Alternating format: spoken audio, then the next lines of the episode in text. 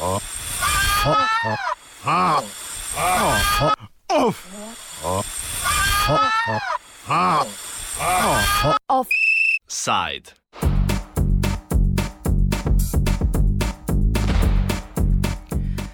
V torek je programski svet javnega zavoda Radio Televizije Slovenija po obravnavi izhodišč za leto 2013 javnost šokiral z možnimi programskimi rezi, s katerimi bi amortizirali izgubo 9 milijonov evrov zaradi sklepa vlade o zmanjšanju obveznega prispevka.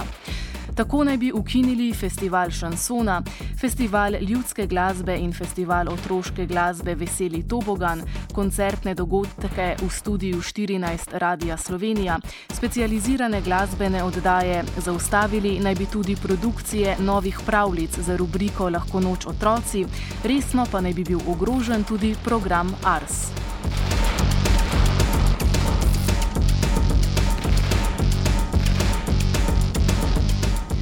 O tem, s kakšno problematiko se bo javni zavod RTV soočal, ukolikor bo obdel prihodka in kakšni so njihovi načrti za preprečitev tega, smo se pogovarjali z generalnim direktorjem zavoda Markom Filijem.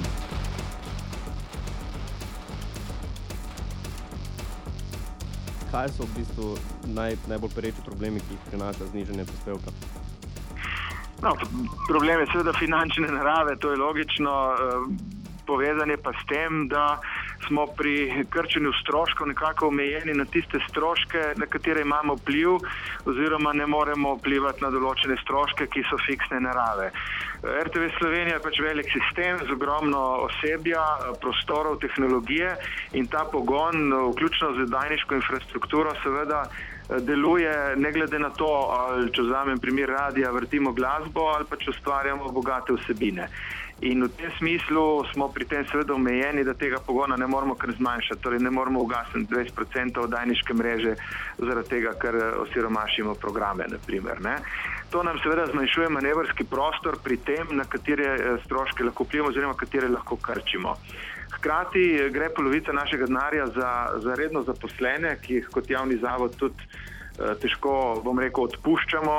Postopki so jasni po zakonu o delovnih razmerjih, tako da tudi tukaj, ne glede na vrčevanje v javnem sektorju, kakšnih hudih rezov ne moremo narediti. Torej smo tudi tu omejeni na to, da zagotovimo denar za plače zaposlenih, ki pa seveda ustvarjajo program in vse ostalo. Vendar na koncu smo seveda odvisni od precejšnjega števila honorarnih sodelavcev, tega je leto za približno 15 milijonov evrov in pa drugih stroškov, ki jih je približno za 18 milijonov evrov, ki skupaj tvorijo po maso 33 milijonov evrov ki je seveda zdaj podvržena najhujšim rezom, na katerih moramo prišparati, bi rekel, tretjino sredstev. Kaj pa bo RTV storil glede tega vladnega ukrepa? No, programski svet je včeraj odločil, da na nek način zavrača um, to krčenje uh, in je naložil vodstvu, da naredi vse, kar je možno, seveda, da bi to programsko škodo preprečil, pa tudi da vodi aktiven dialog tako z Ministrstvom za uh, kulturo kot z državnim zborom in poskuša seveda s podatki in dejstvi uh, dokazati, da seveda um, te ta črn scenarij, te programske posledice niso zgolj neke grožnje, s katerimi bi želeli vplivati na javnost, ampak gre za dejanske posledice, glede na strukturo stroškov in to bomo mi seveda v bodoče tudi poskušali doseči. Skratka, dokazati, da tukaj dejansko ne gre za to, da ne iščemo notranjih rezerv, da ne pobrskamo po dnu tiste ostanke, ki jih še imamo, ampak da objektivno gledano, potem, ko mi pregledamo vse stroške in, in pokrčimo vse tisto, kar se da krčiti, kar se da pogrešati pri našem poslovanju, da kakorkoli obrnemo na koncu te številke 12 milijonov, ne moramo noter prenesti in da na koncu se bo zgodila tudi, se bo zgodili rezi na osnovni dejavnosti, torej na programu. Zakaj se vam zdi, da je sploh bil potreben ta, ta vladni ukrep? Krči se prispevek v bistvu že nekaj časa, RTV-ju vedno več je um, oproščenih tega prispevka, um, v bistvu z inflacijo je vedno prispevek vedno nižji, realno gledano, zakaj, zakaj se ga še niža? Jaz po pravici povedano tega ukrepa ne razumem in uh, tudi argumenti, ki smo jih do zdaj slišali strani vlade o tem krčenju, enostavno ne zdržijo, oziroma so malček iztrte zviti. Ne. Ko govorimo o tem, da seveda gospodinstva nekaj prihranijo v tej splošni eh, krizi, ki je, to seveda je razumljiv razlog, vendar ne, kadar potem pogledamo vsoto tega prihranka, torej dober evro na mesec, eh, je nekoliko nespodobno eh, govoriti, da bi to lahko pomagalo družinam pri preživetju, ob tem, ko se vse druge stvari dražijo. Ne. Tako da na nek način ta ekonomski eh, družbeni razlog ne zdrži. Mi smo po drugi strani navedli mnoge druge razloge, ki so v prid ohranitve ali celo zvišanju prispevka, glede na dejavnost, ki jo opravljamo. Tle bi rad spomnil, da mi dejavnosti ne opravljamo zato, ker nam je to všeč početi, oziroma moramo jo upravljati po zakonu o radio televiziji Slovenija, ki nam predpisuje javno službo in za to javno službo seveda potrebujemo sredstva. Eh, prava pot bi bila seveda eh, jasen, odprt pogovor tudi širše družbi o tem, ali Slovenija še potrebuje tak javni servis ali morda potrebuje manj programov in manj storitev in se skladno s tem lahko potem zmanjša tudi javno financiranje. Ampak dokler mi obsega storitev, eh, ki jih mi upravljamo, ne zmanjšamo, seveda je tudi neprimerna odločitev, da se zmanjša način financiranja, ker to sam pomeni potem neko krčenje, zniževanje kakovosti. Eh, mislim pa, da je kakovost ena od pomembnih komponent, ki jih pač javni servis mora ponujati.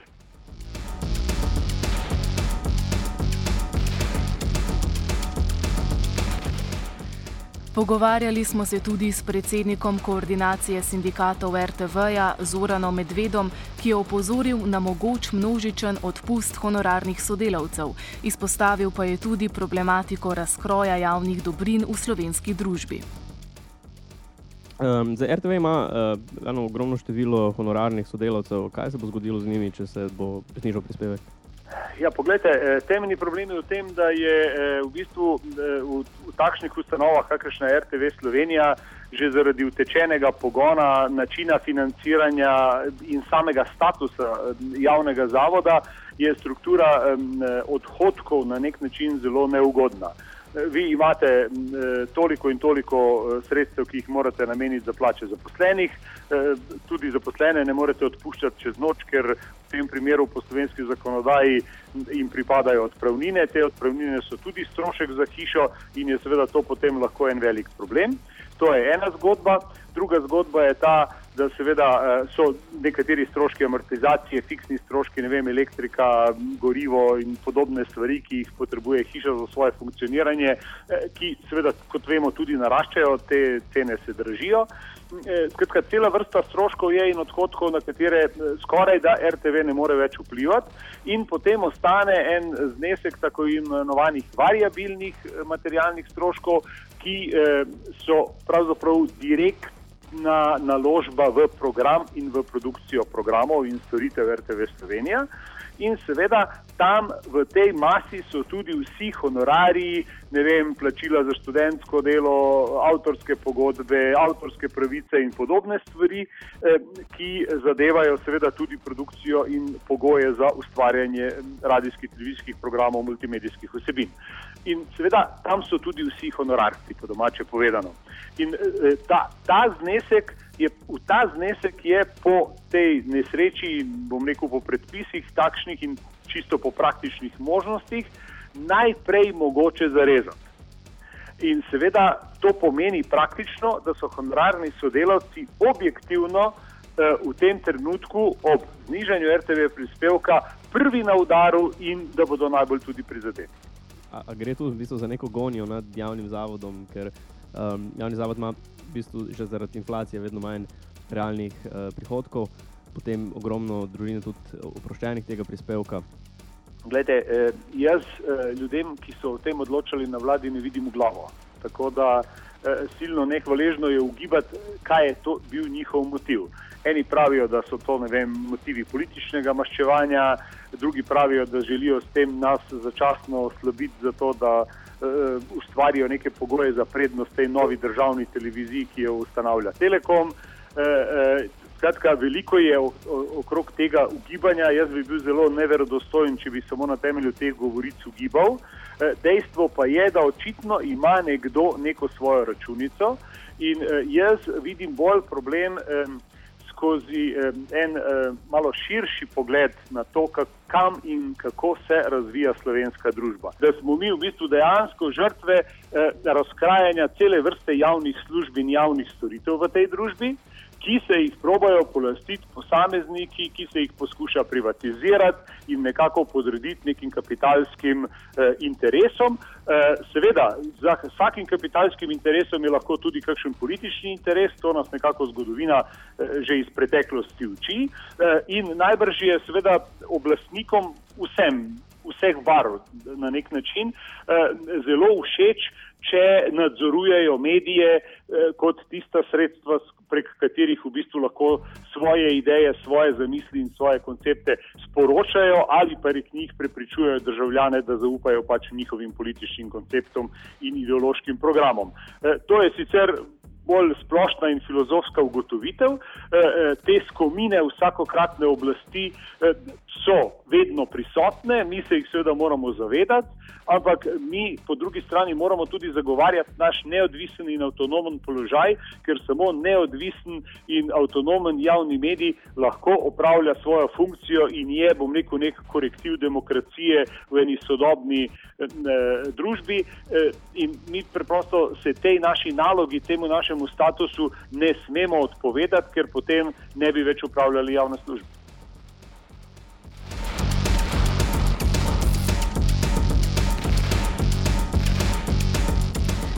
V offsajdu je bil Božidar Kolar.